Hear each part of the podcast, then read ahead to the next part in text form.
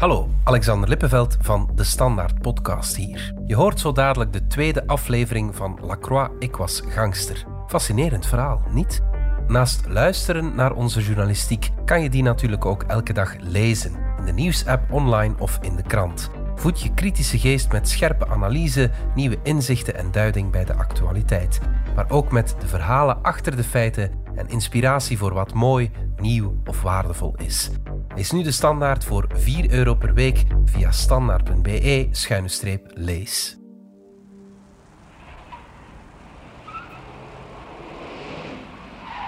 Beeldje in. We zijn in het postkantoor van Chaumont-Gistou, een dorp in Waals-Brabant, ergens in het begin van de jaren 80. Plots stormen twee mannen binnen. Ze zijn in het zwart gekleed, gewapend en gemaskerd.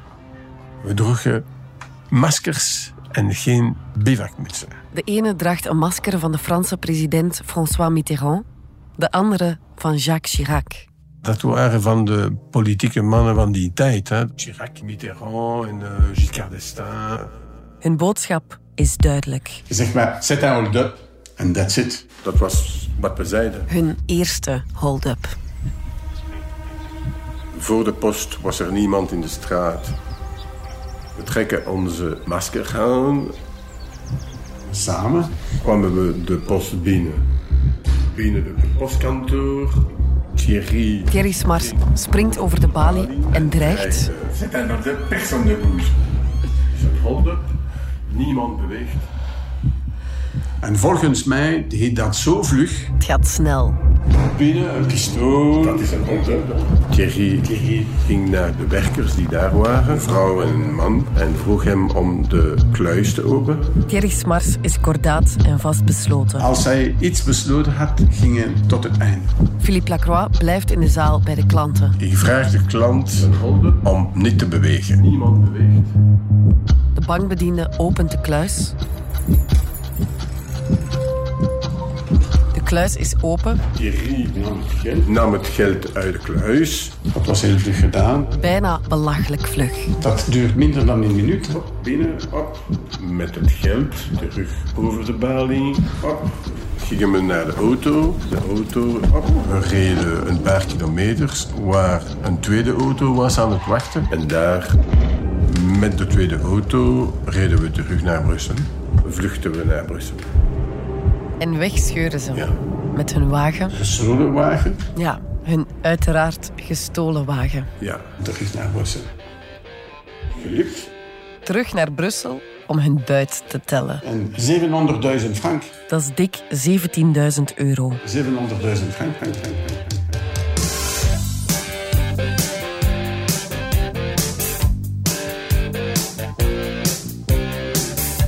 Hun allereerste overval, die je net hoorde in het Waalse dorp Chaumont-Gistou, is een kantelpunt.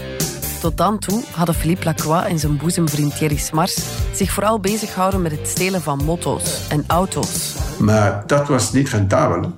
Dat, het was meer rentabel dan, om te gaan werken. Dus eh, ja, dat is zeker.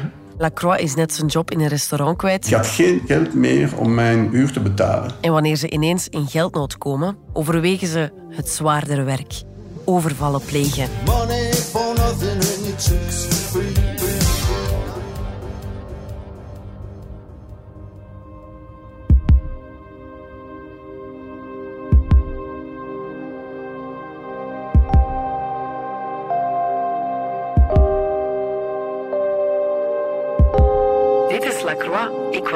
Gangster. Een podcast van de Standaard, gemaakt door Mark Eekhout, Marian Justaert, Joris van Damme en mezelf, Lise Bonduel. Lacroix, ik was gangster. Aflevering 2, mijn beste vriend.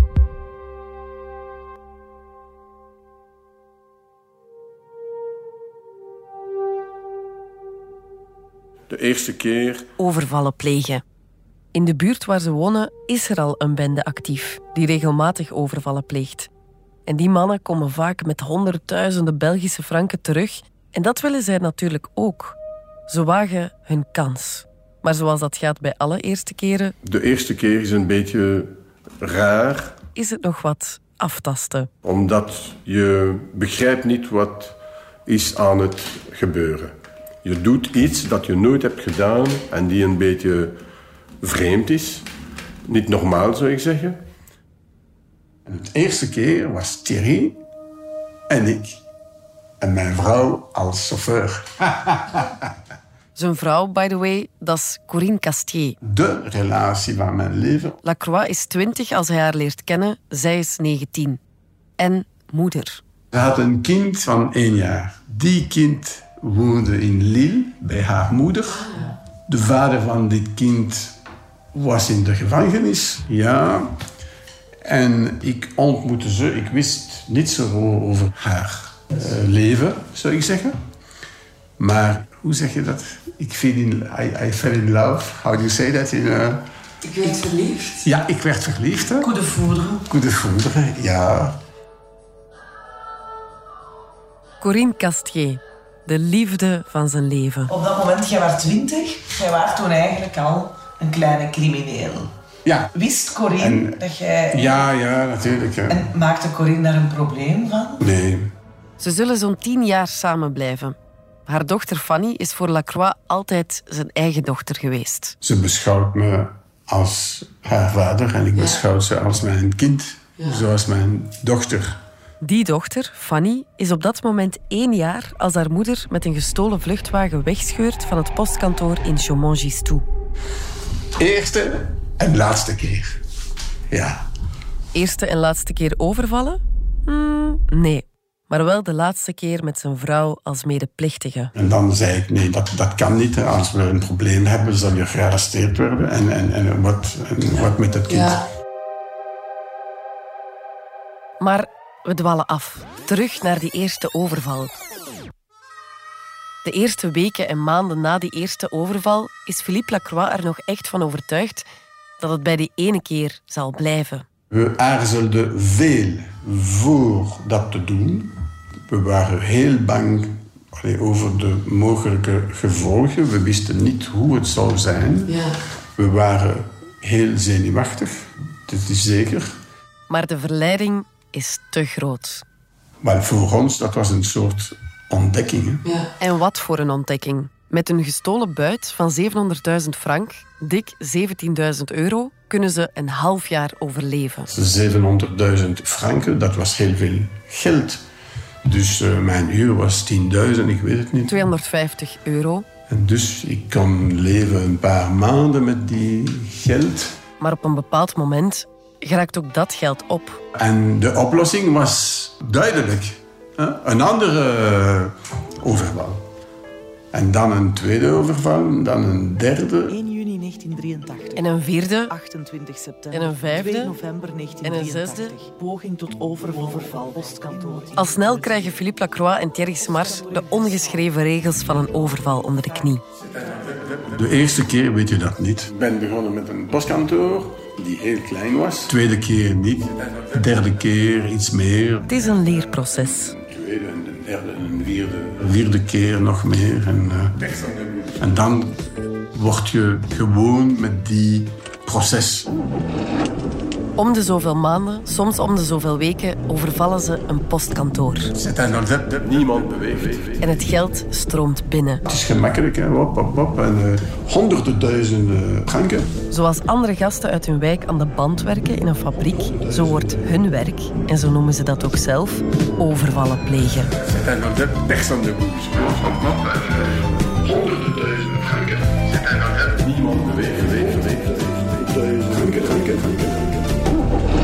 Daarna, we, we dachten, ah ja, maar hoe komt dat geld binnen die postkantoor? Door eh, een vrachtwagen. 20 augustus 1984. Postwagen in Neuville. 7 miljoen frank. 1 maart 1985. Postwagen in Wilselen. Er is geld van zeker een tiental posten. 20 mei 1985. Oktober 19 Postwagen in Postwagen in Castoor. November 5. december 7,3 miljoen frank. Ons land telt ruim 2500 postkantoren, grote en vooral kleine, vaak geïmproviseerd in doodgewone alledaagse huizen. In die kantoren wordt nogal wat geld heen en weer geschoven, vooral op sommige dagen van de maand, en dat geld moet bovendien getransporteerd worden. De meeste van die kantoren zijn slecht of helemaal niet beveiligd tegen overvallen en de geldtransporten gebeuren niet zelden in ongepantserde postwagens. Het hoeft dan ook niemand te verwonderen dat het aantal roofovervallen toeneemt. Vandaar ook de begrijpelijke malaise bij het postpersoneel. Je wilt altijd meer. Ja, maar meer. Het is, niet, het is efficiënter worden. Dat is, dat is geen kwestie van meer. Je zal proberen eerst om die vrachtwagen met 1 miljoen euro te overvallen. Ja? En als het werkt, dan ga je niet meer naar de postkantoor. En die twijfel van in het begin? Verdween die aarzel op een bepaald moment? Nooit. Nee. Nooit. Well, voor, voor mij. Je hebt altijd, je aarzelt altijd, je weet niet of, maar je weet hoe het kan gaan. Het initiatief komt meestal van zijn boezemvriend Thierry Smars. Misschien is het tijd om hem eens wat uitgebreider voor te stellen. Want hij zal een bepalende rol spelen in het leven van Philippe Lacroix. Dat was iemand die altijd de perfectie wou. Ook al is hij geen brede kast van een man. Hij was heel mager, ja. Maar sterk. Het lichaam van een jockey. Dus uh, 47 kilo's. Heel slim. Slank. Slank. Hij was ook heel slim. Slim en slank. hij was niet zo groot. 1,70 meter. Toch heeft hij de geknipte kwaliteiten voor het gangsterbestaan. Hij, hij had veel zelfvertrouwen. Hij was uh, doorzettend. Hij was, uh, hij was heel moedig. Soms zelfs wat overmoedig. Soms zag hij de risico's niet. En hij was ook impulsief. En hij was ook een soort baas. Hij zag hemzelf als een baas. Ja. was geen baas uh, met mij, hè, maar dat was zijn, zijn, zijn karakter. Zoals een echte baas Thierry was de chauffeur. staat hij erop dat hij tijdens de overvallen de chauffeur is. En alle auto's waren zijn auto's. Die moesten heel uh, proper zijn, zoals zijn eigen auto. Dat is ongelooflijk. Dat was een hele slimme jongen. Hij had iets interessants met zijn leven kunnen doen. Maar hij heeft een verkeerde weg gekozen, zou ik zeggen. Ik ook, hè. Smars en hij zijn twee handen op één buik. Ja, ja, dat was zoals met mijn broer. Het is zijn broer. In zijn zelfgekozen familie van vrienden. Ja, een avond. Wij waren, Thierry en ik, in uh, Oostende. En we besloten om dezelfde tatoeage te maken. Uh, dat was een uh, teken van vriendschap. Ja. Die heb ik nog. Hier. Het is een, een, een bloem. Een bloem? Ja, een roze. Die niet roze is nu, hè. 40 jaar uh, ja. later is natuurlijk... ja, ja, ja. Je, hebt nog kleuren, maar... Ja. ja. Dat was een naïeve vriendschap. Dat was zoals met wanneer jongeren hun bloed mengen en je stelt geen vragen. Op dat moment nam ik Thierry zoals hij was. Dus ik apprecieerde Thierry omdat we zoveel samen deden. En we hadden zoveel gedaan. Maar als persoon, met mijn uh, kijk van vandaag, zou ik zeggen dat ik uh, niet veel heb in gemeen met Thierry. Zolang Thierry Smars en Philippe Lacroix met hun twee zijn, gaat het goed.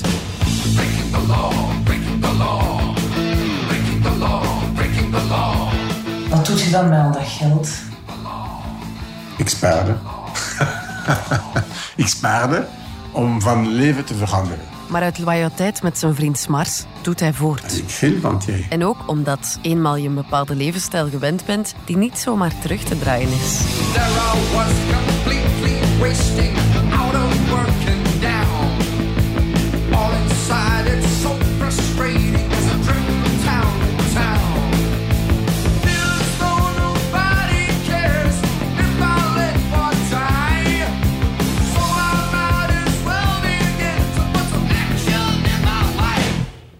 In Sint-Lambrechts-Woluwe loopt er ook een zekere Patrick Hamers rond, die overvallen pleegt met zijn eigen bende. Smars en Lacroix kennen hem, want ze komen al wel eens in het café van zijn broer Erik Hamers. Ook vader, Achille Hamers, is een gekend figuur in Brussel. Hij heeft verschillende winkels en horecazaken. Nu, iedereen weet dat de familie Hamers geld heeft. En dat geld ook graag laat rollen. Zeker Le Grand Blond, Patrick.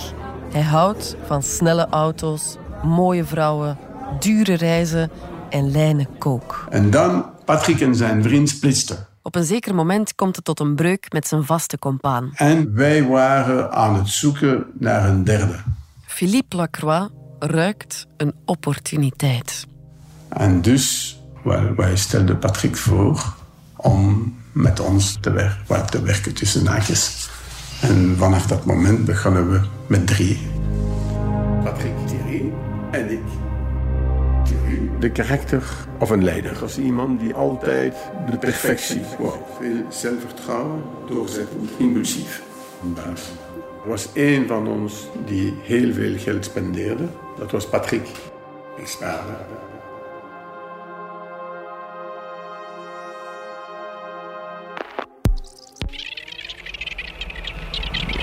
We zijn in 1985. Goedenavond, dames en heren.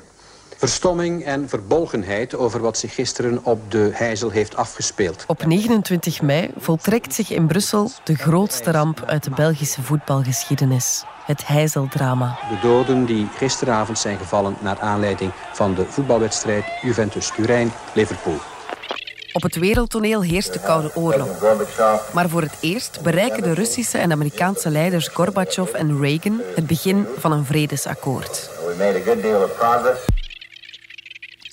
It's 12 noon in London. In juli is er Live Aid in het Londense Wembley Stadion. It's time for Live Aid. Met een memorabel optreden van Queen.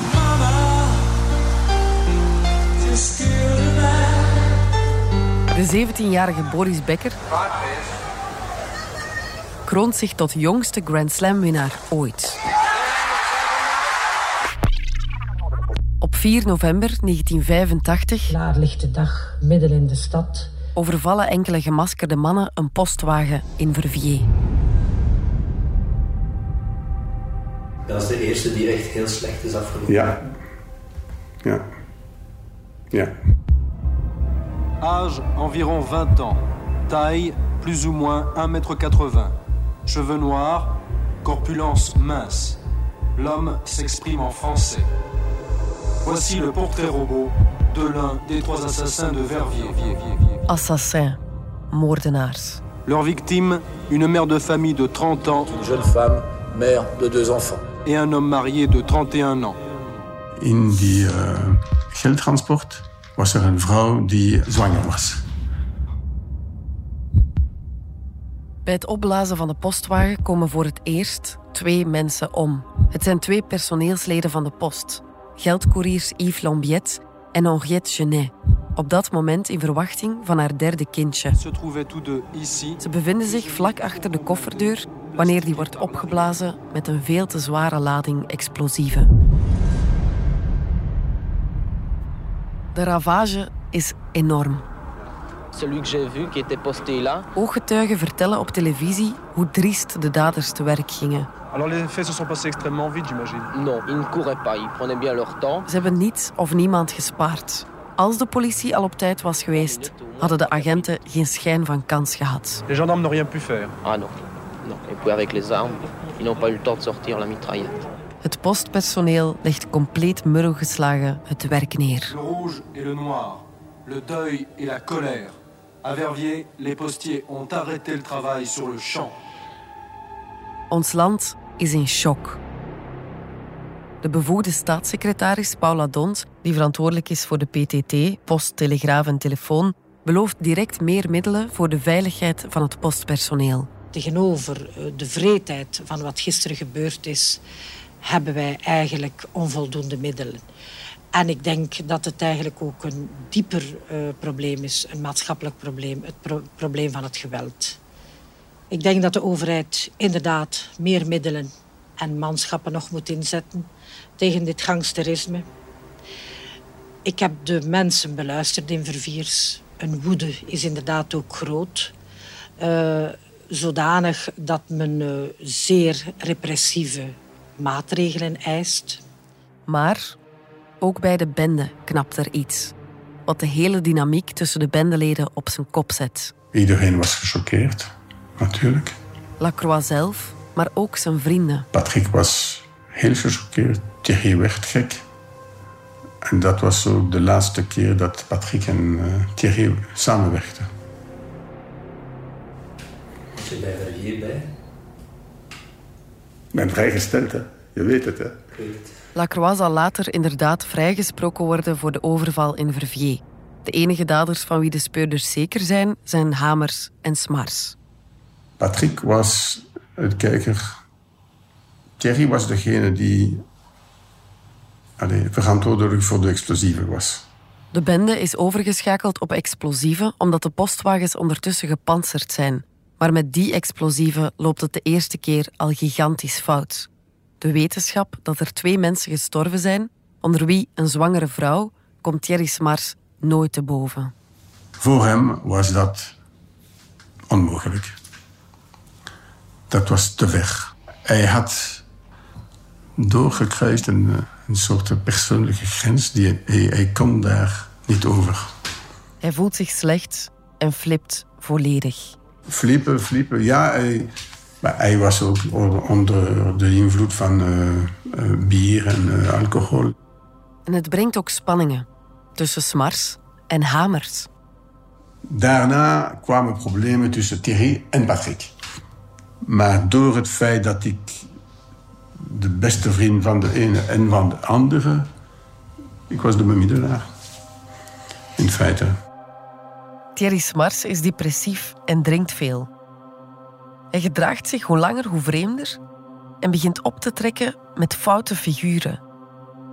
Hij geraakt ineens helemaal in de ban van een dubieuze extreemrechtse Italiaan, Elio Ciolini, alias de kolonel, oftewel kolonel Bastiani. Hij vertrouwde iemand die hij niet moest vertrouwen. Die Smars wijsmaakt dat hij als speciaal agent voor de Franse geheime dienst werkt en de bende in bescherming zou nemen. En, en die was van de extreem rechts, tenminste in zijn woorden. Smars vertrouwt hem. En dus hij wou dat die persoon binnen onze groep kwam. Maar Lacroix en Hamers willen niets van de man weten. Ik heb hem gezegd, maar je bent totaal gek. Hè? Dat, dat kan niet gebeuren. Lacroix is ervan overtuigd dat de kolonel liegt en wil hem kost wat kost buiten de bende houden. Ik wou natuurlijk niet, Patrick wou dat natuurlijk niet. Hij en Hamers vrezen dat Thierry Smars zijn mond voorbij zal praten en hun geheim van hoe zij aan al hun inkomsten komen, zal prijsgeven. Ze moeten met leden ogen aanzien hoe de sluwe Italiaan hun vriend volledig brainwashed. In een poging om Thierry Smars te beschermen, gaat Lacroix de Italiaan bedreigen. Ik heb hem gezegd, ik weet wie je bent en ik zal je vermoorden. Als Thierry iets overkomt, bedoel je? Ja. Met Thierry Smars zelf gaat het op dat moment al maar slechter. Ik zag dat Thierry totaal uh, in de war was. Hij geraakt de pedalen kwijt. Thierry was op dat moment gek. Dus bijvoorbeeld, hij speelde de roulette russe tenminste tien keer. Met echte kogelen. Zwak, boem. Hij heeft dat minimum tien keer gedaan. Zwak, boem. Zoek, toek, zwak. Zijn vrouw uh, belde me op in het midden van de nacht en ze zei tegen mij: Philippe, Philippe, kom, alsjeblieft, kom. Ik was de enige die hem kon kalmeren, die hem kon stoppen wanneer hij had te veel gedronken.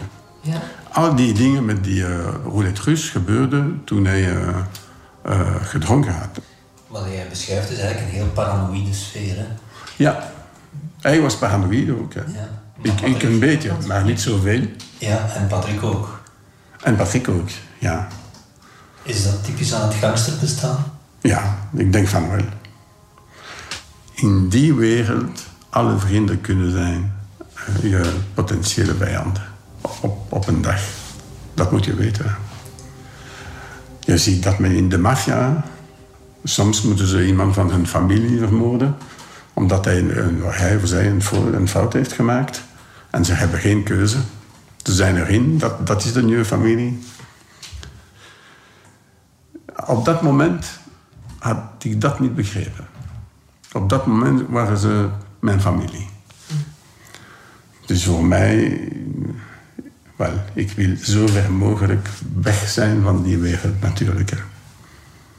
Nu? Nu, ja, ja maar al een lange tijd. Hè. Het is al lang dat ik, dat ik niet meer eh, banden wil hebben met, met de mensen die behoren tot dit wereld.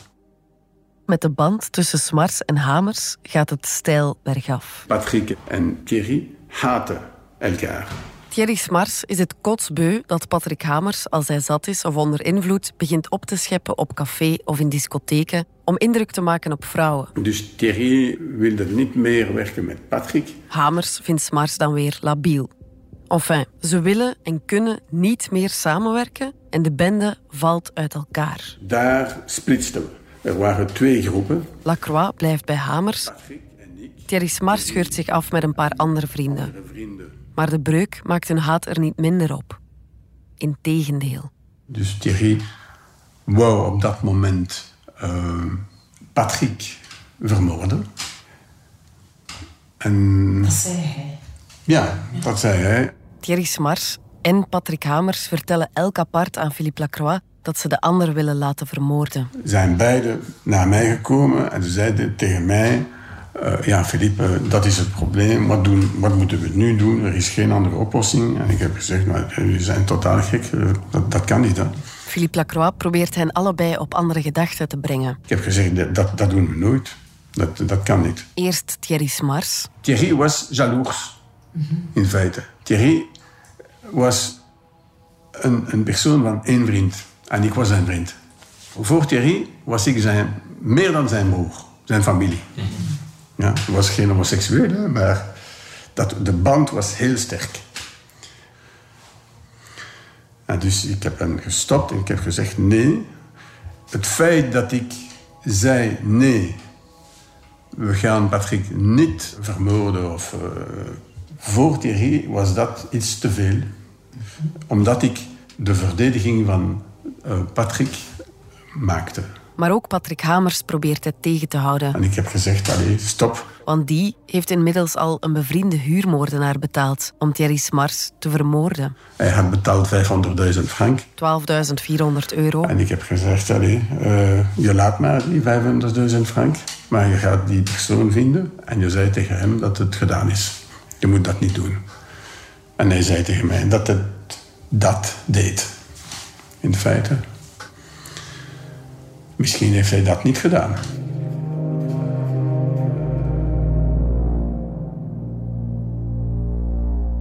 Ze heeft me onmiddellijk gebeld. Op een dag belt de vrouw van Thierry Smars met vreselijk nieuws. Onmiddellijk, ze, ze vond hem. Thierry Smars is overleden. Ik was totaal. eh, hoe kan ik dat zeggen? Ehm, gechoqueerd. Maar meer dan dat. Meer dan dat. Mijn wereld was totaal eh, kapot. Ja. De officiële doodsoorzaak? Zelfmoord. Er zijn veel mensen die daaraan twijfelen. Hè? Ja. Onder hen BOB'er Paul Verdurme. Ik heb die foto gezien. Dus van eh Thierry Smart. Paul Verdurme was lid van de speciale cel Gamma, opgericht om de bende Hamers op te rollen. Hij en nog andere speurders concluderen dat het onderzoek naar de dood van Thierry Smars wel heel snel is afgerond. Thierry Smart lag half achterover op zijn bed. Hij beschrijft de foto van Thierry Smars zijn overlijden. Lag met zijn kop helemaal naar de ene kant gedraaid. Was geschoten door zijn slaap. En het bloed had zo bergop gevloeid. Dus dat hoofd was nadien verlegd. Maar de positie van het lichaam is niet het enige wat aan zelfmoord doet twijfelen. Hij had de zelfmoord gepleegd. Zijn hand lag ongeveer ter hoogte van zijn buik. En de revolver was een punt 38 met kort loop. En die lag naar de andere kant gedraaid. Met een kolf in de verkeerde richting. Bovendien ontbreken ook kruidsporen op zijn hand. Iets wat, als je zelf schiet, normaal gezien wel aanwezig zou moeten zijn. Thierry Smars... ehm, Dat zegt ook misdaadreporter Els Kleemput. Oké, we zitten nu veel verder met forensisch bewijs. Dus waarschijnlijk dat het nu veel duidelijker zou kunnen zijn. Maar toen zijn er ook een aantal zaken vastgesteld die gewoon niet coherent zijn met zelfmoord. Els Kleemput werkt bij het Belang van Limburg en zal zich bijna tien jaar lang vastbijten in een dossier van de bende Hamers. Samen met haar partner op dat moment, Alain Guillaume, gerechtsjournalist bij Le Soir. Toen ze Smars gevonden hebben, eh, was er dus een expert ter plaatse gekomen die sporen genomen had van de vingers van uh, Smars. Maar het parket had nooit officieel aan die expert uh, dat gevraagd. Dus hij was nooit officieel aangesteld. En die had zoiets van, ik ben niet officieel aangesteld, dus ik stuur mijn verslag niet op. En dat is pas veel later dat als Colin, het onder, onderzoeksrechter Colin het onderzoek in handen heeft gekregen, dat hij dat verslag heeft opgevraagd. En toen was duidelijk van, oei oei, daar gingen dus geen kruidsporen aan de handen van Smars.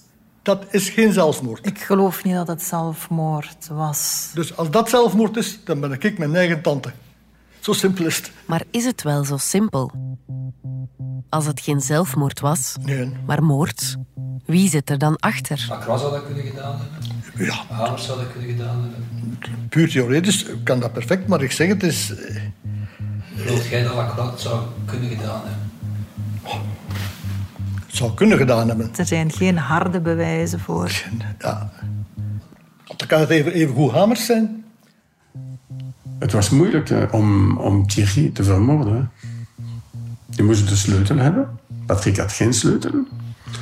Degene die de sleutel hadden waren de mensen van het huis en ik. Ik had de sleutel. Hamers, het enige wat hij gezegd heeft toen we hem vroegen naar Smars, dus het enige wat hij zei was, ik heb Smars niet gedood. Hamers was ook de man die met zijn revolver hè, en mijn granaten, dus een zelfgemaakte granaten, in de, in de cafés ging en zeggen, Ede, en dat ben ik. Ja, wat denkt u daar dan van? Er waren twee personen binnen het huis. Er was zijn vader en zijn vrouw. Thierry was in zijn kamer op de, de, tweede verdieping, zijn vrouw was op de eerste verdieping en zijn vader was op de derde verdieping. Voor mij is het moeilijk te geloven dat iemand zelf met de sleutel erin kwam naar de kamer van Thierry, ging met zijn eigen wapen, met de wapen van Thierry, hem vermoorden. Hè? Dat, dat, dat, maakt lawaai. Hè? En daarna wegging zoals... Uh, allez, hij, hij kon iemand ontmoeten, tegenkomen. Zijn vrouw of zijn vader. Zeg de intuïtie. Ik weet het niet. Eerlijk gezegd niet. Ik ga daar niet in pronosticeren, ik weet het niet. Ja, wie dat dan zou gedaan hebben, dat weet ik niet. Maar ik denk niet dat je daar zomaar uh, Hamers of Lacroix moet voor naar voren schuiven. Dat geloof ik nu ook niet. Ik denk dat iedereen kan zoiets... Allee, elke crimineel die zichzelf voldoende bedreigd voelde, zou zoiets kunnen gedaan hebben. Hè. Voor jou blijft het nog altijd zelfmoord. Ja, volgens mij heeft hij, heeft hij zelfmoord gepleegd. Ja. En dat is normaal. Thierry was een, een impulsief. En, opvallend ook, het lichaam van Thierry Smars is kort na de lijkschouwing gecremeerd. Dus er was zeker een autopsie, zeker omdat iedereen die zo sterft is geautopsieerd. Dat is wel zeker. Maar na die autopsie en voor die autopsie hebben ze niet uh, gevraagd om, de, om het lichaam te bewaren voor, een, voor het onderzoek bijvoorbeeld. Ze hebben niemand ondervraagd. Misschien de familie, ik herinner me niet, maar ik denk van niet. Voor iedereen was dat zelfmoord, in feite. Ja. Tot wanneer we in de problemen waren. En dan kwamen ze terug met, ja, misschien was Thierry vermoord. Dat was de, allez, een van de hypothesen van de politie. Ja. Maar het is te gemakkelijk te zeggen, na één jaar of twee jaar, bijvoorbeeld Verturmen zegt, ja, als dat uh, uh, zelfmoord is, dan... Dan ben ik mijn eigen tante. Zo simpel is het. Ja, natuurlijk, dat kan hij zeggen. Ja, dat kan hij zeggen, maar op welke basis? Huh? Op welke basis? Hij heeft maar wat hij heeft gelezen in het dossier. Dat is een, uh, een indruk. Dat is een hypothese, een indruk, een persoonlijke hypothese die na de feiten kwam en op basis van niets in feite, op basis van een foto. Oké, er zijn misschien onvoldoende bewijzen, maar er zijn ook geen zware bewijzen dat het wel zelfmoord is. Je weet dat er ook mensen zijn die zeggen dat jij het gedaan hebt. Ja, ja, ja, natuurlijk. Dat was mijn beste vriend. Ik zou dat nooit hebben gedaan. Wat is het? Als je hem ziet zitten in zijn grijze haren en zijn polo, is het moeilijk om te geloven dat hij zijn beste vriend zou vermoorden. Zijn woorden zijn altijd wel sterk zo. Ja. En ik vind dat jij dat wel goed samenvat. Die... Eh, hoe dat wij hem daar zien zitten. Ja. ja, als hij dit eh, acteert, dan is het wel een heel goede acteur. En als zij dan ineens haar metapet opzet, het is moeilijk te geloven en dus kant kiest. Dat is waar, maar Dan, dan maakte die Is dat direct... kant kiezen zeggen, het is moeilijk te dat vind geloven? ik wel ook niet. Allee, ik vind niet dat Ja, dat zo... gaat wel zo wat overkomen. Wij eindigen nu door te zeggen, het is moeilijk te geloven dat hij het zou gedaan hebben. Het is niet dat wij zeggen op dat moment... Ja, geen twijfel mogelijk. Ja, ik vind het ook, het is geen partijdige zin. Het is gewoon, als wij er met z'n drieën zitten, het is ook moeilijk te geloven. Als je hem hoort vertellen over zijn vriend, is het moeilijk te geloven dat hij hem dood heeft gedaan. Maar het, het kan wel zo. Ja, als je hem zo ziet zitten, dan eh, ziet hij er absoluut niet uit alsof hij in staat is om... Alleen in staat, ja, hij is in staat geweest tot heel veel daden natuurlijk. Hè. Eh, Ja, maar in staat echt, je eh, beste vriend vermoorden, Ja. dat is ook nog wel van een andere orde. Hè? En eerlijk gezegd, dat zie ik niet. Ja, zeker als je weet hoeveel dat hij voor hem over had. Hij deed er alles voor, net zoals hij later alles voor Patrick Hamers zou doen. En dan die dan eh, knip met voorbedachte raden. Ja, kijk, vermoorden. officieel is het ook zelfmoord. Hè. En als het anders is, dan ja, zal hij het niet zeggen. Hè. Dan neemt hij dat geheim mee eh, in zijn graf. Je zag wel dat dat, dat dat in zijn kleren kroop. Ik heb het gevoel dat hij daar al heel lang niet over heeft gepraat. Ja, en het is ook iets dat hem hoog zit, dat er twijfel over bestaat. Hè. Hij wil dat ook wel vertellen. Ja. Omdat hij, omdat hij wil vertellen dat hij, dat hij dat niet gedaan heeft. Ja. Dat het volgens hem echt wel zelfmoord was en dat hij niet de moordenaar is van zijn beste vriend. Dat is Ik ook niet onlogisch. wel- hè. dat is Moest niet ik, eh, onlogisch, ja. Opgezadeld worden met zo'n verdenking van mogelijk. Absoluut, ja, ja. Ik voel ergens wel zo de behoefte van hem om dat te vertellen. Denk ik. Of de dood van Thierry Smars in mei 1986 zelfmoord is of moord? Het is waarschijnlijk een, een, een vraag die nooit zal beantwoord worden. Of tenzij mensen die het echt wel zeker weten, gaan, eh, gaan zeggen. En ik weet dat ik nooit de waarheid zal weten. Ja. ja dat is onmogelijk in feite. hè. Het is onmogelijk. Maar als het geen zelfmoord is, dan is het koelbloedige moord. Ja, en wie gaat zoiets bekennen? Voor mij was, was dat een familie. Dus ik had banden met, met Patrick en ik, en, ik, en ik hield van Patrick. En ik hield van Thierry. Voor mij, die waren... Ik had een broer, maar die waren familie. Voor mij was dat familie.